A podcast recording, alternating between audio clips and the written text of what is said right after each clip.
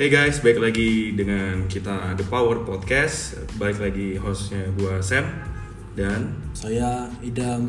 oke kita balik lagi setelah libur tahun baru ya. Selamat tahun baru dan selamat Natal buat yang merayakan. Kurang jauh kali pak. Apa? Ini tayang kan tanggal berapa? Ya, apa-apa. Nggak apa sih nggak terlalu. Ya Udah. Terus uh, Mas Sam, hari ini kita ngomongin apa? barefoot. Apa itu dam? Nyeker. Nyeker. Yes. Ya, Ini cara simpel nyeker bener kan? Iya. barefoot training barefoot training. Ya jadi eh, lagi apa yang namanya happening ya maksudnya banyak orang yang bahas juga bahwa ternyata latihan secara barefoot atau nyeker itu sebenarnya bagus gitu. Ya. Eh, kadang kita gue seperti pribadi dari zaman kecil dulu kalau main lari-lari gitu pasti nyeker. Oh iya. Cuman makin gede makin gede kan pakai sepatu dan lain-lain. Jadi sekarang kalau suruh nyeker lagi juga kayak males gitu loh.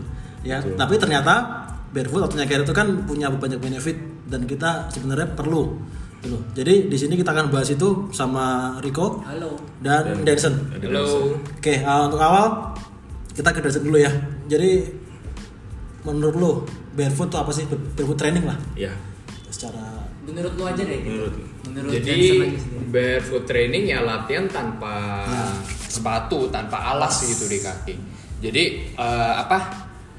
The skin below your foot eh, ini semua tuh exposed to the elements gitu. Nah itulah barefoot training. jadi dalam arti maksudnya ini cuma di weight room kah lari kah lompat apakah kah semua jenis latihan bisa sprint kah agility kah atau Nah. cuma squat lift doang atau apa Kalau dibilang semua jenis latihan itu mesti bener-bener dipikir dengan kritis ya, nggak Ya. boleh maksudnya dipukul rata. Tentunya ada beberapa latihan akan lebih beneficial kalau pakai sepatu. Tapi sebisa mungkin kita integrate barefoot training ke latihan kita sehari-hari gitu. nah biar gampang deh pemirsa pemirsa pendengar Mendengar. Sobat- Sobat podcast. apa cara lu integrate barefoot training deh gitu biar biar mereka Secara bisa secara Secara simpel simpel. biar mereka ngerti oh aplikasinya gini toh gitu Hmm. nggak usah ribet-ribet dulu deh Eh, kalau Nggak pas apakah pas warm up apakah pas lu cuma latih beban doang buat lu biar gampang atau general klien lu gitu sem- kalau sekarang semua klien gue latihan barefoot. latihannya apa dulu nih Uh, in Nah, itu. weights, weights, Oh, weights doang. Iya, jadi ya nggak ada sprint, nggak ada lari, apa nggak ada ya? lompat nggak ada Uh, nggak ada. purely angkat beban doang Iya, Oke. angkat Untuk pendengar beban. ini angkat angkat beban doang jangan di Iya. Aneh-aneh gitu ya. Ta- tapi di kelas gue, jadi gue ngajar kelas TRX juga itu gue ya adain barefoot Nah, juga. Harus. kalau Olympic weightlifting nggak? Enggak enggak, itu ya it- itu beda lah. itu beda.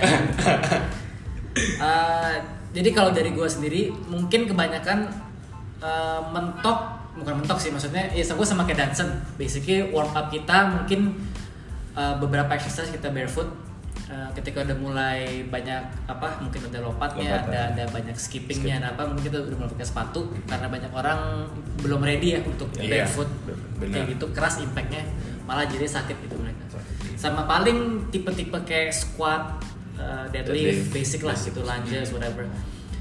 Jadi masalahnya itu sekarang at least untuk gue ya klien-klien gue kebanyakan orang tuh kadang agak geli gitu. Hmm. barefoot. Jadi bukan mungkin mereka nggak mau mungkin masih pada sakit karena mereka kayak aduh kotor nih Risih lah ya, risih, risih, risih, risih, Terus risih, kadang risih. aduh buka sepatu malas ikat lagi Iya. buka lagi nah mungkin di situ gitu jadi lama-lama kelamaan at the very least mungkin pas warm up kalau nggak pas ketika exercise yang benar-benar kayak butuh stability kayak lunges Hmm. lower body deadlift Hmm. single leg stuff sisanya mau pakai sepatu gua ya silahkan deh jadi Hmm. kita kompromis gitu nggak nggak Iya, nggak nah. rigid kayak harus benar-benar nyeker semuanya gitu Iya. Ya, selalu ya it's good maksudnya untuk compromise and work with your client ya. Jadi jangan paksain sesu- eh, satu hal yang dia nggak bisa langsung terima. Ya. bu- ya butuh waktu. Ya. Nah. Dan mungkin emang kalau misalnya orang benar-benar nggak mau nyeker, at the very least kita kan sekarang ada ini nih beli di Tokopedia reflexology mat gitu loh. Oh, Jadi at the very least kita bisa stimulate uh, nerve nerve apa nerve apa sih syaraf Syaraf, ya, kaki. syaraf. Ya sama sekalian soft tissue release lah untuk Oh. untuk Mm. bawah kaki gitu sebelum mereka pakai Mm. sepatu. Iya. Gitu. Nah ini nih, jadi kalau tadi setelah introduction, jadi kita tahu bahwa ternyata barefoot itu penting, ya penting lah untuk uh, stimulasi saraf dan lain-lain di telapak kaki itu ya. Ya.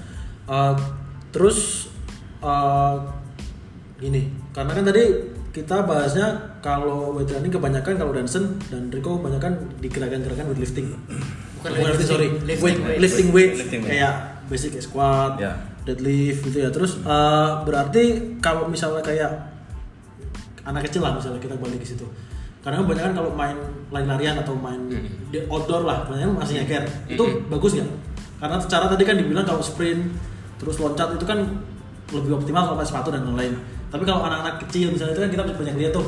Mm-mm. banyak kalau main bola nggak pakai sepatu lah atau lari-lari. Itu kan eh, menurut lu bagus nggak?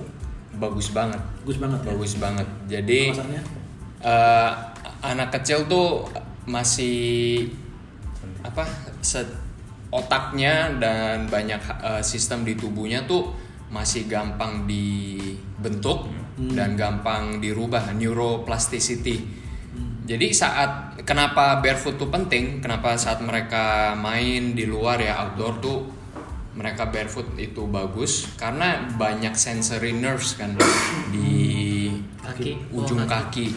dan bukan cuma ujung kaki sebenarnya di tangan juga di mulut pun juga ada di kulit kita itu pun ada. Cuman yang banyak tuh di kaki dan di tangan. Itu Telap- banyak telapak sekali. kaki gitu ya telapak kaki sorry ya. Biar lebih spesifik lagi telapak kaki nah saat kalian di outdoor main di outdoor tuh teksturnya kan beda kan Tuh. apa yang terjadi tuh sebenarnya eh, itu mengirim apa ya informasi, Informasinya. ke otak gitu dan itu em, membantu untuk develop otak an- eh, anak itu Hmm. Nah, dan itu akan otaknya akan apa membuat keputusan untuk next movementnya seperti apa Jadi basically kalau misalnya lu nggak pakai sepatu, informasi dapatnya banyak gitu loh. Jadi dia bisa proses untuk next movementnya lebih bagus dibanding Iya. kalau lu tutupin Sepatu. saraf-sarafnya. Jadi mereka nggak dapat informasi. Jadi kayak malah ya gimana ya kas- kata kasarnya lebih nebak-nebak lah gitu. Iya. Dan ya dan juga ken- eh, kenapa play is good tuh karena itu membangun otak dia juga ya, membangun motorik skill dia. Proprioception juga. Ah, ah. Ya. Jadi mungkin kendalanya satu eh, untuk orang tua mungkin ya. Aduh, ntar lecet kakinya. Ah, ya, Nah, iya, terlalu banyak, tajam. Nah, banyak. mungkin downside-nya mungkin di situ. Jadi mungkin pilihnya yang yang sedikit lebih mellow lah gitu mungkin rumput atau tanah jangan langsung yang bebatuan Nah, ya jangan batu juga. kan. kecuali emang dari kecil udah biasa gitu kan main bola lu nyeker ke idan Aspal gitu kan. Iya. nah aspal ya pelan-pelan gitu jangan Iya. jangan ekstrem mereka weh lari lu di aspal kan ya Gila. Iya, Ada- ya, ada ya, juga. jadi ya sama lah seperti prinsip latihan, eh, kalian harus progresif gitu. Nah, dari yang soft dulu mungkin ya. Iya, dari yang paling gampang dulu ke yang lebih susah. Kalau Nah, bentar nih gue udah tanya nih satu nih, Hmm. mumpung masih inget nih. Hmm. Grounding, Eh, gimana menurut lo? Setuju nggak setuju? Aneh? grounding. Oke, eh, sebelum kita Grounding ke mana-mana ya, bukan grounding selama latihan loh. Jadi ada orang tuh guru yoga, dia Mhm. grounding ke masuk mall nyeker, Oh. masuk acara nyeker, Ya. mana nyeker. di, Nah, di Bali banyak kayak gitu. nah, gitu, ya. gimana tuh? ya sebenarnya gue juga pas gue di Aussie gue Oh iya. gue nye- banyak nyeker sih. Enggak, bu- bukan di park lo ya, Ya. masuk mall loh. Nah kalau di mall sebenarnya itu kan lebih apa ya man made kan, Ya. man made structure sebenarnya nggak nggak beneficial sih Oh, untuk oke. grounding. Ta- eh, tapi sebelum kita lanjut ke sana, apa itu grounding? Kita ini dulu Basically ya. berdiri di tanah sih. Iya. Secara simpelnya. Ah, ah. jadi eh, mungkin kalian pernah dengar atau belum pernah dengar, mungkin ini sesuatu yang baru. Jadi ground lately ada konsep bukan baru sih, konsep yang namanya grounding di mana kalian nyeker dan kalian eh, apa? make contact with the earth gitu, with the Ya. ground. Nah, uh, dan itu dia ada electromagnetic field-nya kan dari bumi dan itu akan uh, apa mem- memperbaiki kesehatan kalian. Jadi the keyword itu earth ya, eh, tanah gitu ya, Mm-mm. bukan man made. Iya.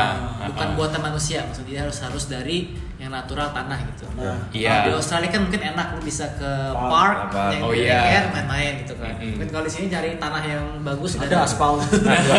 Kalau nggak tanahnya banyak tai kucing gitu kan. Kan males juga. Jadi intinya adalah kalau tadi berbalik ke yang anak kecil tadi berarti anak kecil itu sebenarnya bagus banget untuk dibiasakan untuk eh, main secara barefoot atau apa ya? Iya. Outdoor dan barefoot ya. Uh-uh. Dan saat mereka uh, apa lakukan sesuatu outdoor dan barefoot dan mereka expose ke banyak different environments kan mereka otaknya bisa proses gitu bisa proses oh ya uh, benda ini tuh tajam benda ini uh, teksturnya begini Iya, bisa. jadi dia mau apply berapa banyak force itu dia bisa dia tahu gitu Uh-uh. Ya kalau misalnya lu pakai sepatu jadi gini eh, kita nggak tahu gitu loh. Jadi anak itu bakal nginjek semuanya sama pressure-nya. Dia mau Mhm. injek beling, mau injek batu, mau injek rumput semua sama. Tapi kan nggak bisa gitu gitu. Harusnya kan Iya. Beda. beda-beda. Nah, itu bisa di kalau kalau apa eh, syarafnya nggak nggak ditutupin dengan sepatu gitu. Mm-mm. Ya, bukan berarti sepatu juga jelek ya, maksudnya Ya. tetap harus balance Tetap lah. harus balance, Iya. Karena semakin dini manusia makin kecil manusia kan emang harus benar-benar dibiasain untuk banyak uh, move banyak Ya. karena kan tahu sendiri anak sekarang kan banyak kan Iya. inaktif kan kayak gadget lah Depan gadget, ya kan hmm. jarang sekali ma- main di luar kayak zaman zaman dulu kan kita masih kayak main gitu. Iya. jadi itu Hmm. jangan apa ya jangan menghalangi anak anda untuk nyeker Iya. Dan kalau memang butuh pakai sepatu, bisa cari sepatu yang memang shape-nya tuh seperti kaki. Ah, jadi bare- barefoot shoes. Nah, jadi kalau gua sendiri ya gua very big apa ya? proponent of ini barefoot, barefoot shoes. Karena gua rasain sendiri. Hmm. Sepatu konvensional dan barefoot itu beda banget. Dulu pas gua kerja di commercial setting di gym tuh bisa 12 jam, 14 jam pakai sepatu yang biasa konvensional. Itu secara fondasi gue berasa gue nggak gitu stabil, Mal- malah nggak stabil ya nggak stabil. Uh-uh. Se- semenjak gue bener-bener barefoot pakai barefoot shoes, gue berasa lebih stabil. Dan dengan stability itu, angkatan gue meningkat, strength gue keluar. menarik menarik jadi itu benefit lain dari uh, barefoot atau Barefoot. barefoot uh, shoes tadi ya Iya. Jadi barefoot shoes tuh dia le- bukan hanya lebar, bukan shape-nya seperti kaki, tapi dia tipis. Minimalisir jarak Iya. antara kaki Jarak. eh, penghalangnya lah ya Iya. tipis ya oke Uh. Jadi karena dia tipis juga tuh sepatunya bisa ditekuk. Fleksibel lah sepatu. Fleksibel. sesuai kaki lah ya Iya, jadi saat kita jalan sebenarnya kan kaki kita tuh Harus flex. harus bisa flex gitu. Kalau sepatu konvensional tradisional tuh banyak yang kaku, gitu. Jadi kita nggak bisa tekuk. Nah, apa yang terjadi kalau kalian nggak tekuk lama-lama ototnya ya nggak dipakai, Oke. jadi males gitu. Jadi nggak dipakai ya ya sudah gitu. Makanya kenapa banyak orang yang lari gitu, misalnya dia belum pernah uh, latihan secara serius, tiba-tiba lari cedera atau sakit gitu. Ya karena itu. Jadi kalau untuk lari nih, karena kan banyak pelari nih, mungkin juga pendengar banyak pelari, ya. runner lah. Ya. Menurut lu gimana? Maksudnya apakah langsung pakai minimalis atau mungkin transisi dari sepatu running biasa atau mungkin langsung barefoot pas latihan biasa Barefoot. banyak barefoot pas kompetisi mungkin ganti sepatu lari atau gimana gitu loh. Enggak, jadi uh, sama seperti semuanya, lu mesti adaptasi secara bertahap Ah. ya. Kalau lu belum biasa dengan barefoot, lu langsung hajar, Cedera. ya bisa cedera. Karena threshold lu masih rendah Rendah. kan. Jadi bertahap, mungkin lu introduce. Ini gua uh, dapatnya dari klien gue juga, dia seorang runner, dia bilang bisa pas easy run, Hard run nggak bisa. Iya pas easy run kayak easy kayak 5 10k pakai barefoot Uh, atau yang zero drop sepatunya biar tubuhnya adaptasi. Tapi kalau uh, dia belum biasa jangan saat lagi pace atau apa pakai barefoot shoes. Jadi kayak Eliud Kipchoge jangan pakai barefoot. Iya itu hour marathon. ya itu beda mungkin dul dulunya Dulunya dia barefoot. dia larinya iya barefoot. Jadi apa pendengar jangan jangan ini ya. jangan langsung barefoot. Kalau Eliud Kipchoge mungkin dari dari mana sih dia dari Afrika ya? Kenya. Kenya. kalau nggak salah Ya mungkin dia dari kecil sampai umur berapa Dari barefoot terus. kayak- Iya. Dari. Nah, ketika dia udah dikasih sepatu, jadi kaki itu udah kuat gitu jadi iya. sepatu itu improve performance-nya gitu Uh, uh, bukan dan- bukan kebalik ya gitu Iya dan teknik lari dia udah, udah bagus banget juga bagus. Uh-uh. Terus lanjut, gimana sih caranya ngecek fungsi dari kaki itu baik atau enggak? Ada nggak? Gitu. Hmm, Nah, oke, caranya lebih ke tenis berarti ya. Lebih ke tenis. ya. assessment maksudnya Ya, gitu. assessment. Nah, Oke, yang paling simple gini deh, kalau kalian mandi, tuh kan telapak kaki pasti basah. Iyalah. Coba injek injek di lantai gitu. Habis itu lihat itu footprintnya Oh, seperti footprintnya apa. Ah. Oke. Iya, iya, iya. Jadi kalau semuanya nyeplak, itu berarti kakinya flat, Flat. pronated. Oh. Tapi kalau arcnya tinggi banget, banget. jadi lubangnya itu gede. ba- gede banget, berarti itu over supination. Uh-uh. Jadi yang bagus tuh sebenarnya netral. Mm-mm. Itu yang paling simple. Habis itu perhatiin cara jalan. Hmm. Kalian jalan kakinya hadap ke depan nggak? Atau Ya, suka ya, ya. ngebuka, buka, Nyengkang, iya nyengkang buang ke samping. Hmm. Oh, Ya, iya, iya. Itu berarti indikasi juga ya untuk uh, Iya, kaki ada- yang bagus atau enggak gitu ya. Iya, ada dysfunction apa enggak? Hmm. Bukan cuma di kaki, Ya. tapi di hip juga. Dan bakal merembet ke atas kan pasti Iya. kalau misalnya- Iya.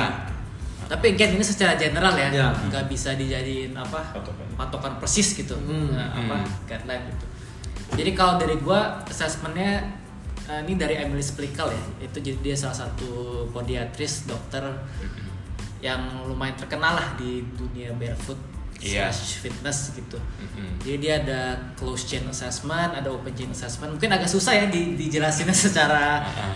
Apa Secara- audio gitu Iya, secara singkat aja, Pak. Uh, kalau open chain tuh jadi uh, bukan dalam posisi berdiri lah, dia dalam posisi tiduran. So kita cek uh, jointsnya mobility gimana joints. uh, Secara pasif lah Pasif ya, lah, di pasif. dicek ya, secara first, pasifnya. First MPJ which is kayak basically jempol lu lah gitu. Terus first ray which is kayak joints di bawahnya kayak ribet lah jasanya. Pokoknya intinya gitu bisa gerak apa enggak dua-duanya gitu. Itu Iya. Satu. Terus kedua uh, inversion inversionnya bahasa Indonesia apa sih itu? Yang ada bahasa Indonesia udah itu bahasa Ya, bahasa bahasa- ya. Yang bahasa Indonesia. An- apakah ankle-nya bisa invert, dan Invert. invert Bi- masuk atau bisa keluar? masuk keluar. atau keluar. Uh-uh. Ah, terus dorsiflexionnya gimana? Hmm. Bisa ngangkat, bisa flex ke atas nggak? Ah. Secara basicnya, terus kalau secara close chainnya dia berdiri gitu loh, dengan kaki Oh, yang iya. benar-benar lurus biar biar kita bisa lihat baseline-nya gimana gitu. Sama kita Dansen bilang apakah over pronated, apakah over supinated, supinated. apakah netral. Terus heel raise gitu, jadi kayak semacam calf raise tapi naik Iya, tinggi, both jinjit. single leg sama Jinjit. sama apa double, Double leg, double leg. Mm-mm. lihat gimana pressure-nya apakah dia keluar ke kelingking apakah dia lurus ke tengah atau gitu. Mm-mm. basicnya gitu deh dan kalau misalnya ngengkang atau lurus sih in general mungkin iya kayak mungkin ada ada something yang happening apa tapi mungkin kan ada orang yang structure-nya mungkin hipnya gimana mungkin dia agak sedikit ngebuka gitu Iya. jadi kalau gua gua nggak terlalu strict banget ya. Maksudnya kalau lu kebuka dikit nggak apa, tapi kalau Iya. nggak jalan yang 40 derajat kaki dari hipnya kan obviously ada samping rock gitu. Tapi Iya, kalau misalnya iya. cuma kayak 10 derajat, 20 derajat gua mungkin masih Masih masih, netral ya. masih oke lah gitu. Hmm. Mungkin nggak mungkin semua orang perfect lurus kan Iya. secara anatomi nggak mungkin. Iya. Pasti ada sedikit variasi gitu. Uh-uh. Uh, itu satu sama mungkin ketika dia step bisa flex nggak itu ya kayak ankle dan joint apa first MPJ dan first first Jempolnya, ray-nya gitu iya. jempol dan joint bawahnya gitu ya kan orang tuh bener nggak bisa kita kan kita actually ada klien kayak gitu gitu jadi kalau misalnya dia stiff banget kan Banyak banyak. satu jalannya nggak jelas jadi kan jalannya jadi susah Iya. kedua kedua posisi-posisi kayak push up lunges sebenarnya nggak bisa jadi nggak stabil Iya iya iya, lanjut sakit. sakit Yes. yang sakit apa jempol ya Jempol. Nah, Jempol yang sakit. kan bingung gitu kenapa oh ternyata kakinya stiff banget Stiff banget. dan Iya. itu mungkin disebabkan karena yang tadi mungkin kecilnya suka pakai sepatu terus nggak Iya. pernah barefoot ya Iya. mungkin kita nggak tahu apa kan ini mungkin apa hanya asumsi doang gitu kan ya. Secara garis besar gitu. secara garis besar gitu. ya Ya tapi gue ada satu klien dia memang ya kalian tau lah siapa itu kliennya. Dia memang Tahu. di fashion kan. ah ya, Iya, iya. Ya kayak Sebut nama. modern fashion gitu. Iya. Mau nggak mau dia harus pakai sepatu yang kayak begitu. Iya. Nah karena itu gue lihat banyak problem di movement dia. Emang. Tapi sekarang udah mendingan karena udah dilatih. Eh, satu poin tentang itu, gue juga sneakerhead ya, jadi kayak I love sneakers, Eh, ya Jordans whatever. Mm-mm. Tapi itu gue pakai mungkin biasa cuman ketika eh, apa jalan-jalan gitu. Ya. Oh, oke. di rumah nyeker di gym kebanyakan flip flop kalau enggak nyeker jadi belum dari jari gue bisa kebuka yang Iya. yeah. flat jadi yang sepatu itu paling pakai sehari berapa sih? 45 jam cuma Mm-mm. dua kali seminggu. Weekend paling ya. Dan Oke. sisa kan kebanyakan nyeker di rumah kan. Mm-mm. jadi ke balance gitu kan. Iya. dan mungkin kita kayak main basket doang gitu kan. Nggak mungkin gue main basket pakai barefoot. Oh iya. yang ada ankle gue mati. Ankle injek. Injek. kemarin pensiun udah nggak main lagi. Gitu. Eh, terus mau na- na- nanya lagi nih gua eh, tadi yang lu bahas eh, kok yang first MBJ dan first rate tadi ya Mm-mm. itu ngaruh ke ankle mobility gak sih ada hubungannya sama ankle mobility gak kalau misalnya ini Steve mungkin da- dalam movement ketika gerak mungkin ada tapi kalau secara kayak lu isolate gitu Ah, kayaknya enggak deh ya. berarti secara secara integrasi movement mungkin berpengaruh ya Iya ketika jalan gitu mungkin Ah. misalkan jadi jadi lanjut gitu eh, ngerem ngerembet ke atas gitu kan Oh, tapi kalau cuma cek ankle mobility kan kan lu flat Ya. kayak Hmm. nggak bakal ada gerakan apa apa dari joint lu cuma isolate ankle doang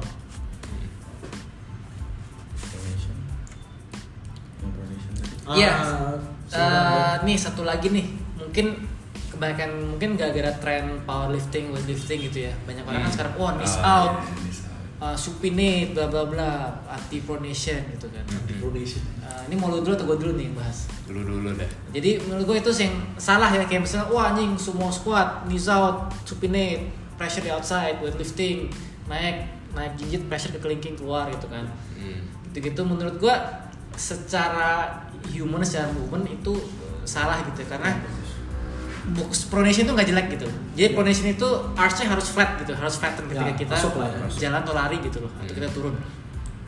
Dan pronation itu barengan sama dorsiflexion gitu loh.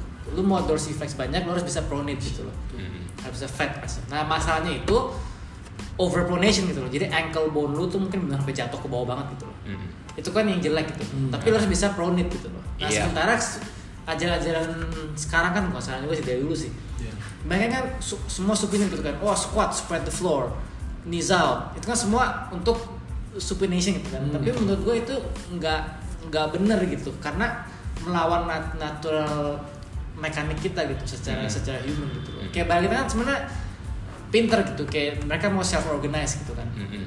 Nah, tapi yang kita harus perhatikan cuma apakah dia terlalu over doang gitu kan. Iya. Jadi benar-benar ankle-nya drop, ankle ankle. Instead of cuma arch-nya flattenan doang gitu. Ya jadi sebenarnya eh, kalian tuh pendengar tuh jangan dengar info langsung mentah-mentah ditelan gitu. Kalian harus bisa berpikir secara kritis. Lah. Uh, uh, dan juga melakukan walaupun ya apa yang kita share tuh hal yang bagus tapi kalian harus tetap research ya jangan mentah-mentah telan kata-kata kita gitu. Iya, mungkin informasi berubah kan dalam setahun Iya, kita. pasti, gitu. pasti. Uh, dan yang soal pronation supination sebenarnya ya kita butuh dua-duanya. Yang penting tuh kita bisa kontrol. Iya. Uh, uh, jadi ada orang memang nggak bisa kontrol ankle-nya pas squat tuh jatuh ke dalam. Jadi itu namanya overpronation nah itu bahaya. Tapi kalau kalian bisa kontrol dan degree-nya tuh nggak terlalu banyak it's still okay gitu dan knees out knees out knees out terus tuh over supinate juga nggak bagus Iya. Jadi, external hip external rotatornya bisa overwork banget jadi banyak orang tuh karena itu dia juga hilang satu hilang pronation, kedua hilang hip internal rotationnya gitu loh. Jadi hipnya Iya. udah nggak bisa rotate muter masuk ke dalam gitu. Which is Iya. Itu yang penting juga, apa especially lu kalau seorang atlet ya, Mm-mm. yang butuh banyak change of direction bla bla itu perlu banget gitu Mm-mm. Dan apa ya mungkin ini juga karena dipopularize oleh salah satu yang salah top apa orang top lah di industri gitu kan. Mm-mm. di apa dari dunia crossfit. Out terus kan dengan kalau dilihat fotonya kneesnya benar-benar jadi bukan valgus lagi jadi varus gitu kan. Ah. jadi keluar dari dari apa Jalurnya jalur Jalurnya, kakinya Iya, gitu. jadi kayak O gitu. Ya, iya ya, itu kan juga nggak ini gitu. Nggak benar sebenarnya kan. Iya tapi ingat meskipun apa pronate supinate kalau secara lifting weights yang penting jointsnya tuh stack aja on top of each other gitu. Iya. Jadi meskipun lu pronate ya tetap, tetap pronation yang dalam range netral itu, Mm-mm. bukan yang over Ya. over pronate Iya. gitu. intinya adalah dikontrol ya berarti ya Iya, dikontrol. bisa kontrol. Jadi kalau kalau kata si Pete Bomarito kalau dalam secara lari kan dia lihat hampir semua orang cepet itu kakinya flat gitu loh. Hmm. Karena flat itu transisi dari dari supinate ke pronate cepet jadinya. Hmm. Makanya dia mereka cepet banget cep, langsung lari ke depan. Hmm. Nah, lo harus bisa kontrol transisi dari dari supinate ke pronate-nya gitu loh, supaya Iya. jangan over pronate. Nah, Hmm. susah kan di situ gitu. Mm-mm. Oke itu ya jadi ingat pronate sama supinate sama-sama penting jangan apa ya seringnya pas squat sih sebenarnya back squat terus harus miss out keluar jadi kayak Nah, benar-benar mengharamkan untuk Iya, Ya, lebih ini, masuk ini gitu kayak loh. juga juga ini jadi gue minggu lalu eh dua minggu lalu nih nih gue cedera nih. Eh mungkin eh, gara-gara apa waktu berapa bulan lalu juga pernah sih karena gue lompat landingnya agak off agak agak tweak gitu ya. Nah kemarin pas squat itu kayaknya menurut gue cedera itu ketika gue pas turun karena kebiasaan dulu ya jaga-jaga biar masuk gue mau miss out gitu loh Ah, tapi pasnya oke. anjing sak malah nggak enak nah sekarang sampai besoknya tuh gue nggak bisa tekuk lutut di sekitar antara 0 sampai 30 derajat gitu sakit Hmm. tapi lebih dari itu gue bisa gitu. Hmm. jadi sekarang ketika gue squat gue mau netral biarin biarin dia pronate biarin dia ini terus kita naik baru gue agak sedikit external rotate dikit gitu Mm, iya iya. karena kan ke- ketika gue begini jadi bener agak varus gitu jadi ada yang ada yang ketahan Iya, gitu. eh, terlalu banyak mungkin pressure ya di luar. ya, uh, jadi sakit gitu kan. Jadi fuck lah ini. Jangan fuck ya. Jangan mau Oke berarti uh, next question. M- mungkin uh, ada tips atau gerakan preventif supaya foot atau kaki kita tetap tetap berfungsi dengan baik dari lu apa? Hmm, Yang simpel-simpel aja. Ya, setiap individu kan pasti beda ya kasusnya, tapi ini maksudnya general guideline ya. Tiap hari ya kalau bisa dirilis itu bawah Apanya dulu nih bawah kaki. Eh, Ini pelantar pelantar fascianya. Jadi di bawah kakinya, Telapak kaki ya. kakinya kaki. dirilis bisa pakai bola. Bola apa dulu nih? Bola golf, bola tenis. tenis. Ntar bola, bola soccer diinjek Bola basket gedean lah. Atau kalau kalian pernah lihat tuh di taman-taman biasa ada kayak batu refleksi. iya, Nah, di sana pakai itu untuk rilis dulu. Nah itu yang tadi kita yang gue bilang tuh itu di Oh, Tokopedia kalau lu search reflexology mat ada mirip gitu jadi lu lu masuk ke Hmm. taman lu beli aja itu Ya kalau bisa ke taman Ya, seka- sekalian grounding. ya, grounding. ya, itu yang pertama. Habis itu kalau kalian sering pakai sepatu eh, sering-sering lepas sepatunya terus latih ini eh, apa? Me- melebarkan jari Melebarkan kaki. jari. Hmm. Ya, jadi biasa sepatu yang modern tradisional tuh kan lancip tuh ujungnya. kayak Iya. kapal gitu jadi Iya. kayak orang Cina cewek-cewek Cina kan Oh, iya, jadi lancip yang- gitu kan. Nah, Iya. Nah, itu direnggangin jari-jari kakinya dibuka se selebar mungkin dan di apa diangkat jari-jarinya. Kalau bisa diangkat dulu yang paling besar, jempol Jempol. jempol, heeh. habis itu ganti mm, empat the other four gitu. Dan kalau bisa main piano dengan kaki, dengan jari kaki. Waduh. Waduh. Ya. Kalau- ntar kalau bisa gambar pakai kaki Iya. Soalnya kalau kalian bisa kontrol uh, setiap jari secara individu, itu berarti you have really good ini connection connection dengan kakinya. Dan ya modern footwear bikin kita lose that connection gitu. Jadi ini hal yang simple yang bisa kalian lakukan gitu. Nah, ngomong-ngomong modern footwear, eh apa tadi kan mau bahas eh, nerve endings di kaki, Hmm. ya kan? Dan harus kenapa harus eh, cushionnya minimal antara kaki Mm-mm. dan tanah. Mm-mm. Nah, kenapa tuh? Jadi yang diregister apa tuh? Jadi kan vibration, bla bla bla. Oke, eh, kita mulai dari kalau sole-nya tebal dulu ya. So- ya, kalau sole-nya tebal, Cushionnya maksudnya. cushion ya ha-ha. pas kita jalan atau pas kita lari kan eh, ada bisa dibilang pelindung ya Ya. jadi kita tubuh kita tuh nggak akan tahu berapa banyak force yang kita harus apply saat landing Hmm.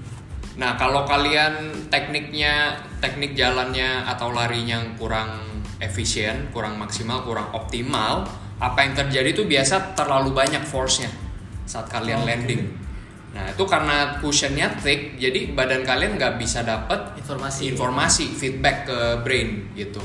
Nah kalau barefoot kan karena dia tipis, itu kan uh, pas kalian land on the ground, tuh a lot of things happen, ada force, ada vibration. Nah, vibration itu travels up to the brain, the brain process gitu. Dan dalam milisecond cepat banget. The next step tuh harus bagaimana? Soalnya tubuh kita nggak akan sengaja bikin kita cedera gitu. Iyalah. Uh, Betul. jadi, Iya. ya dia auto regulate gitu. Kalau kalian landingnya terlalu keras, the next step pasti lebih ringan. Ya. Hmm. Oh. Kecuali mungkin orang yang udah bertahun-tahun nggak pernah nyeker, gue pernah lihat gitu. Jadi tutup aja deh, gublak gitu, Iya. keras banget nih. Banting gitu. Itu makanya yang kita tadi Dansan bilang harus transisi, jangan langsung dari cushion tebel, jebret, nyeker, Iya. lari, wah. Iya. Karena belum bisa proses Mm-mm. di brainnya gitu. Uh-uh. Ya, jadi itu ya, jadi untuk menjaga agar kaki anda tetap sehat, asik. Mm-mm. Nah, sama, sama satu lagi nih mau tambahin untuk cushion tebel selain Oh, bikin nih, bikin terus. force-nya kita nggak bisa tahu berapa banyak Mm-mm. pressure-nya. Kebanyakan orang jadi larinya heel strike gitu loh. Iya benar. Kalau lu Benar, nyeker, betul, betul. jadi lari di aspal deh. Lu Iya. sekarang nyek ke keluar rumah lu lari di aspal. Iya. Lu nggak mungkin heel Iya, strike. mungkin. Oh, iya. Pasti Iya, sakit nggak mungkin lah. Iya. Jadi itu sesuatu yang salah gitu kan. Mm-mm. Jadi itu salah satu uh, negatif efek kalau pakai sepatu yang cushion terlalu tebel gitu. Iya. Lu pakai Ultra Boost jalan-jalan nggak apa silahkan keren. kalau mau lari ya mungkin jangan. Mah pi cari sepatu lain yang sedikit lebih. gue uh, wedding gift gue sama adek gue dikasih ultra boost gue langsung kasih uh, Kasih balik. kasih buan Eh, balikin buat sih udah gue kasih orang lain Ya. sih soalnya itu gue nyoba sekali wah gila parah Nggak banget enak banget. nggak enak kayak ngambang nggak Ya. bisa feel the ground Ah. ya itu bener-bener wah no big no Oh ya, betul ya. dan selain cushion juga perhatiin ini ya kayak heels kalau pakai heels Oh iya, Uh, cewek. ya. iya Cewek, itu. Kalau kalian Cowok. pernah lihat bentuk kaki cewek yang sering pakai heels itu dia ada bunion dan kakinya Oh, yang- ya, ya, jadi ya, ya, kakinya ya. bentuknya Ya, ya, seperti ya, ya. heelsnya Ya, ya, masuk ya, ke ya. dalam Ngerti, ngerti, ngerti. ya jadi Terus kalau uh, betisnya jadi tight. iya itu kalian harus perhatikan ya kalau sering pakai heels you need to take the necessary step untuk reverse uh, damage-nya Yep. Mm-mm. Jadi mesti diimbangin dengan nyeker juga dan dilatih kakinya eh, jari-jari kakinya. Yep, yep. Mm. Jadi kalau sering pakai heels, terus untuk recovery jangan terus pakai heels yang kebalik, yang depan yang naik, bukan heels namanya. Jadi kayak gini nih. Ini kan biasa pijit, lantar, kan dari Dorsi taruh heel di sini. Ya, gitu juga. Nggak gitu juga. Nggak gitu juga. Be smart, be smart.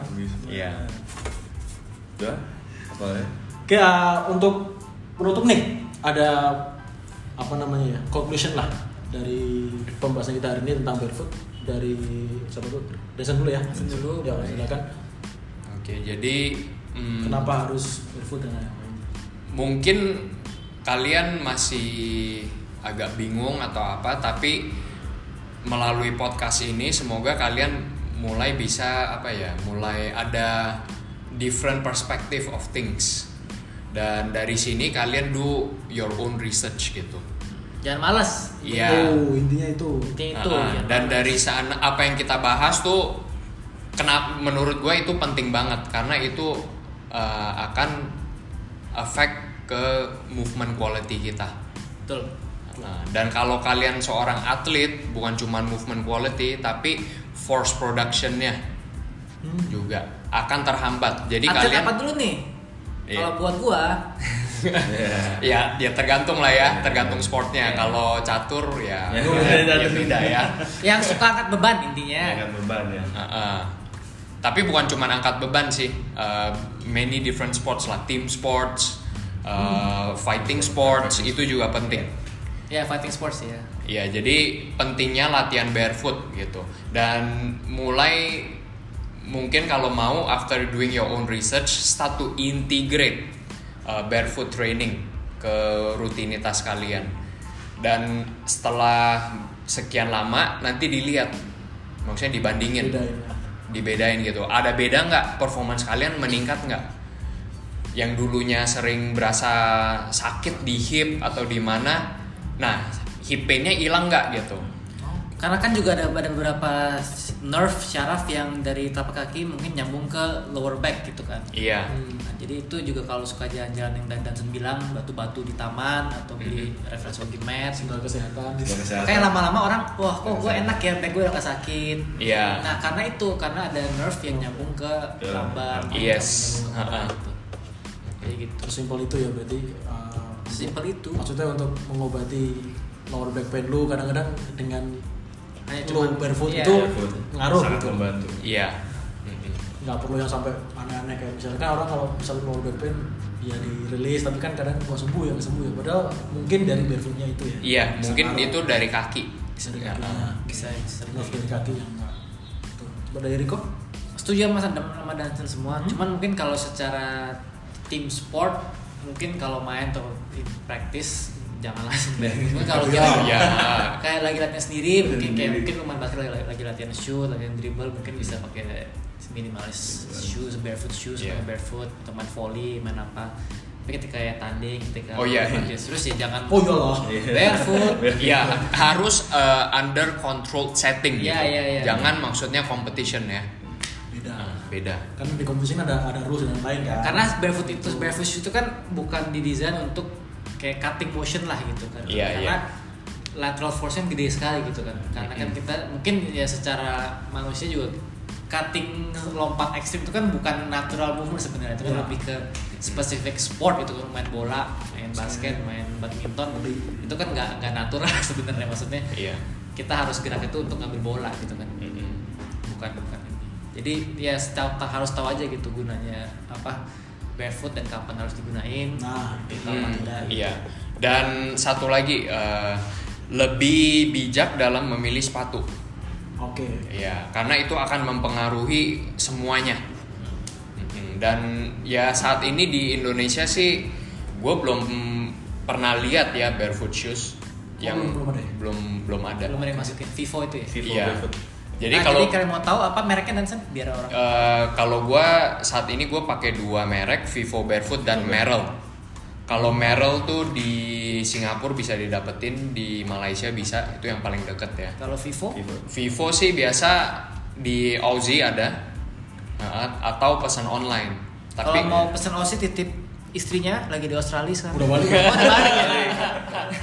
Kan sering bolak balik ya. Dan buat runners ada ini sepatu namanya brandnya Ultra kalau nggak salah Ultra. nah itu dan sen lebih tahu Ya, itu gue taunya juga dari klien gue yang Ah. runner. Oke. Ya. Itu zero drop. Jadi uh, apa? jadi orang apa sih drop itu apa sih biar orang ngerti deh cushion lah. Ya itu bukan cushion loh beda Apa sih ininya? Jadi drop itu gini loh drop itu tuh ketinggian dari heel ke toe lu Oh iya, oke. oke. Jadi dia miring apa enggak gitu loh. Jadi kalau misalnya ada Oh. tulisan 4 mm drop, jadi tumit lu tuh lebih tinggi Lebih 4 tinggi mm daripada jempol depan. elevasi gitu ya jadi Ya, kayak elevasi. elevasi. elevasi. Ya, elevasi. oke, oke. Jadi bisa cushionnya tebel, dropnya juga rata, Rata. gitu loh. Atau bisa cushion tebel, dropnya tinggi. Atau Hmm. cushionnya tipis, dropnya tinggi. Kayak misalnya weight- weightlifting shoe, ya nah ini. cushionnya dikit, keras banget, Keras tapi Heel Heel tinggi banget. tinggi. Jadi selain heel drop yang harus dilihat cushion dua-duanya gitu. Kalau mau barefoot training gitu. Kalau bisa yang zero drop dan minimalis cushion Mm-mm. dan yang fleksibel sepatu. Iya, fleksibel bener. Merek-merek yang tadi Danson sebut bisa dicoba lihat. Mm-mm. kalau di Nike Adidas itu kayaknya nggak ada ya jarang ada. Ni- Nike paling paling mentok Nike Free, tapi Nike Free pun banyak banyak versi kan. Nike Free-nya lo harus cari Nike Free yang benar-benar free. Gitu. iya sih Karena Nike Free ada ada ada berapa yang agak-agak cushionnya agak agak tebel juga gitu. Mm. Jadi kalau memang kaki kalian besar, terus kalian coba sepatu-sepatu ya bilanglah kayak Nike, Adidas itu nggak cocok, jangan dipaksain. oh Kalau misalnya emang suka, mungkin size-nya naikin setengah size Iya. biar lu di apa jarinya nggak Nggak nggak rapet. kecepit, Iya, nggak rapet kecepit. gitu. Lu Iya. Bisa bisa bisa lebarin. Mm-mm. Ya. Oke, eh, itu pembahasan kita hari ini tentang barefoot. Jadi semoga kalian para pendengar bisa menyerap info yang kita obrolin di sini. Dan ingat jangan telan mentah-mentah, tetap eh, do your own research sendiri. Jadi biar bisa komplit lah lu taunya nggak cuma dari satu sumber. Yap. Oke, seperti biasa kalau ada pertanyaan atau saran bisa DM di Instagram powerlab.id. Dan kalau misalnya ada yang benar-benar penasaran nih mau size kaki bisa ke Danson atau Cindy atau bisa ke kita juga di Oh Power ya Lab. bisa itu langsung Iya, kontak langsung- aja. Langsung kontak aja. Danson nih dari kemarin ya NCA Indonesia Iya. itu ya. Kalau belum Iya. dengerin dengerin dulu. Iya. Silakan. Ini menyambung soalnya. Ya. Jangan lompat-lompat. Oke, sampai di sini dulu. Eh, sampai ketemu di next episode. Bye. Bye. Bye. Yo.